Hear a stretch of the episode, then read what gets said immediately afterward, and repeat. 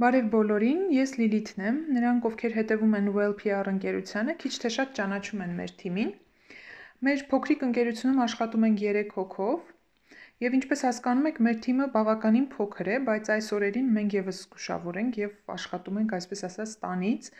Հետևաբար ոդքասթներն էլ ամեն մեկս ձայնագրում է տանից եւ փորձում ենք հնարավորության սահմանում հետաքրքիր դարձնել ձեր ինքնամեկուսացման օրերը։ Ուրեմն նոր էպիզոդում մենք որոշել ենք խոսել սեփական բիզնես վարելու հնարավոր բոլոր ասպեկտների մասին։ Կիսելու ենք մեր մտքերն ու դեռևս կարճատև, բայց բավականին հետաքրքիր մեր փորձառությունը։ Կունենանք այս թեմայով մի քանի ոդքասթներ, որ կվարենք ես եւ Լուսինեն առանձին առանձին։ Այս մեկում ես խոսելու եմ կոմֆորտի զոնայի եւ բիզնեսի մասին, հա, այսպես կարող ենք վերնագրել կոմֆորտի զոնան եւ բիզնեսը, ինչ կապ ունեն դրանք միմյանց հետ։ Եվ այսպես, մենք մարդ արարածներս ունենք մի շատ լավ, բայց միաժամանակ վտանգավոր հատկանիշ, մենք հարմարվում ենք ամեն ինչին։ Լինի դա լավ թե վատ բան, սա առավել քան գործում է, երբ խոսում ենք աշխատանքի ու կարիերայի մասին։ Ես ուզում եմ պատմել, թե ինչպես 2018 թվականին ես եւ իմ երկու գործընկերները, ընկերները կարելի ասել, որոշեցինք ել չհարմարվել, դուրս գալ կոմֆորտի զոնայից, ռիսկի դիմել, ստեղծելով սեփական ընկերությունը։ Դա 2018 թվականն էր, 18 թվականի դեկտեմբերից սկսել է աշխատել Well PR ընկերությունը։ Շատ հեշտ է հնչում այսպես, սակայն գործնականում բավականին մեծ ջանքեր է պահանջել դա մեր մեր թիմից։ Մենք իսկապես շատ ենք ուզում մեր փորձառությամբ կիսվել բոլոր երիտասարդների հետ, ովքեր մտածում են սեփական գործը հիմնելու մասին կամ նրանց հետ, ովքեր արդեն հաջողության են հասել։ Իրականում հետաքրքիր է հասկանալ, արդյոք այս փորձը նման է մյուսների փորձին, ինչով ենք տարբերվում մենք մյուսներից Գուցե գուցե մենք ոմանց օգնենք ինչ որ նոր գաղափար գտնել լսելով այս ոդքասթները։ Մի խոսքով կարծում ենք, որ փորձառությամբ կիսվելը ամեն դեպքում լավ բան է։ Եվ այսպես, սկսենք ամենասկզբից, այսինքն մտքից, բիզնեսի մտքից կամ գաղափարից։ Եթե ձեզ մոտ իրոք հասունացել է ինքնուրույն աշխատելու պահը, ապա, ինչպես ասում են, դուք դա կզգաք եւ ավելին դուք հստակ կիմանաք, թե ինչով եք ուզում զբաղվել։ Իրականում, եթե դուք դեռ չգիտեք, թե ինչով եք ուզում զբաղվել ձեր կարիերայում, կյանքում, ապա ռիսկերն ավելի մեծ են ձախողելու։ Սա իսկապես այդպես է, որովհետև հավատը սեփական մասնագիտության եւ գործի հանդեպ չափազանց կարեւոր է հաջողության հասնելու համար։ Օրինակ մեր թիմը հստակ գիտեր, որ մենք զբաղվելու ենք PR-ով եւ հստակ նաեւ գիտեինք, թե մեզանից ամեն մեկը ինչի համար է պատասխանատու լինելու եւ սկզբնական փուլում մենք այս հարցերի վրա ժամանակ չենք ծախսել եւ դա մեզ օգնել է հաղթահարել շատ ու շատ այլ դժվարություններ ու խնդիրներ։ Այսինքն ամենասկ եթե խոսենք ամենասկզբից, ապա միտքը, գաղափարը պետք է հստակ ունենաք, թե ինչով եք ուզում զբաղվել եւ պետք է ունենաք թիմ ու հստակ աշխատանքի աշխատանքային պարտականությունների բաժանում։ Երկրորդ կետը, որ առանձնացրել եմ, մեկնարկի եւ համարցակության մասին է։ Սեփական գործ սկսելու գաղափարը, եթե չի մնում, այսպես ասած, գաղափարի մակարդակում, այլ հստակ գործողությունների վերածվելու նպատակ ունի, պահանջում է իսկապես համարցակ քայլեր։ Շատ կարևոր է չլսել ոչ ոքի, նույնիսկ ամենամտերիմ մարդկանց տարատեսակ մեկնաբանություններն ու կարծիքները, քանի որ եթե ձեզ մոտ գաղափարը հստակ է եւ դուք վստահ եք, թե ինչ եք ուզում անել, միայն դուք եք դա այդքան լավ պատկերացնում։ Պետք է լսել կարծիքները բնականաբար, սակայն դրանք չպետք է շեղեն ձեզ։ Հիշեք, որ իրականում, անկեղծ ասած, մարդիկ ամենից շատ սիրում են կարծիքներ հայտնել, Եվ այսպես ասեմ, երբ Nike հիմնադիրը 60-ական թվականներին որոշեց հիմնել իր նոր մարզակոշիկներ արտադրող իր ընկերությունը, աշխարհում արդեն իսկ կային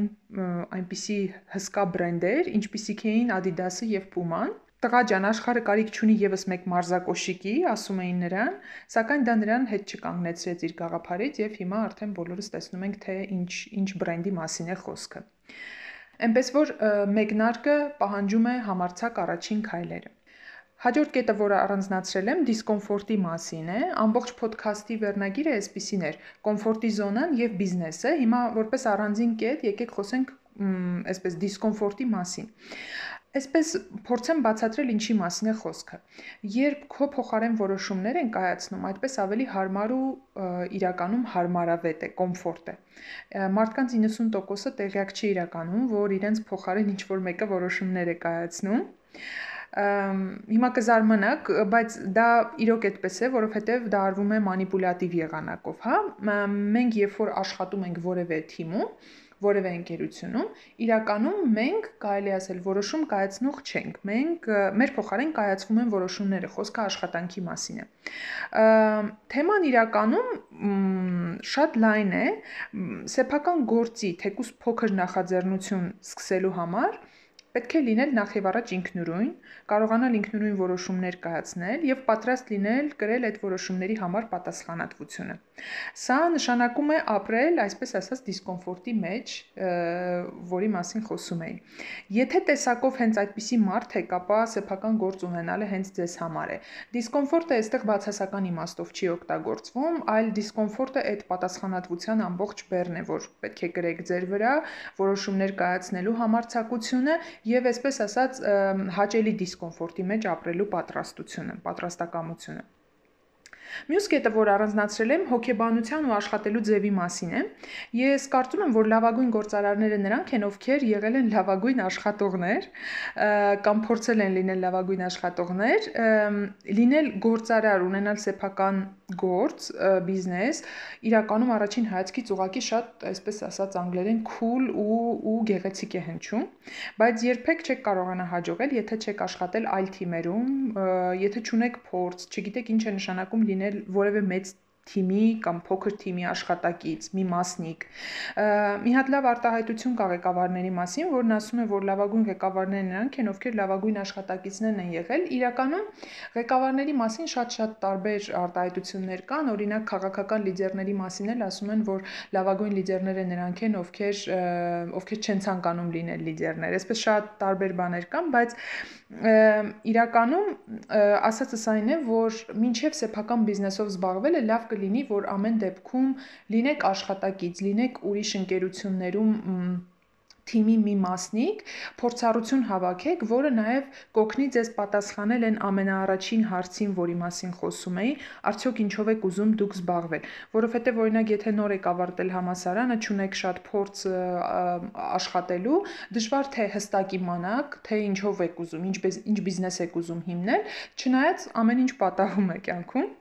Եվ վերջին կետը, որ առանձնացրել եմ, դա ներվի ու այսպես ասած դրայվի մասին է, ներվ ասելով էլի դրական մի բան նկատի ունեմ սեփական գործին վերա պետք է վերաբերվել որպես խաղի Քանի որ այդ դեպքում կլինի նաև այդ drive-ը ամեն օր աշխատանքի գնալու ու խնդիրներ լուծելու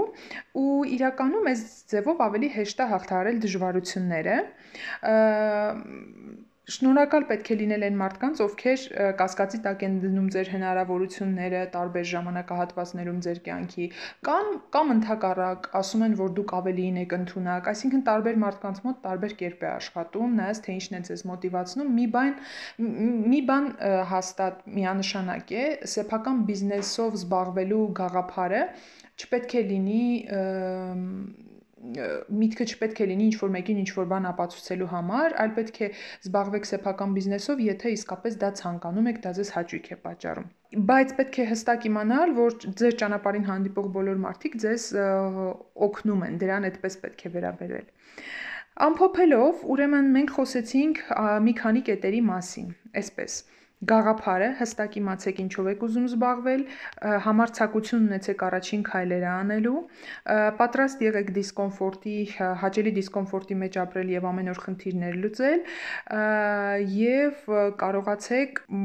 որոշակի մասնագիտական հմտություններ, աշխատելու տեխնիկա ձեզ համար զարգացնել, այդ ամենին վերաբերվեք որպես խաղ ու դրայվով ամեն օր աշխատանքի գնացեք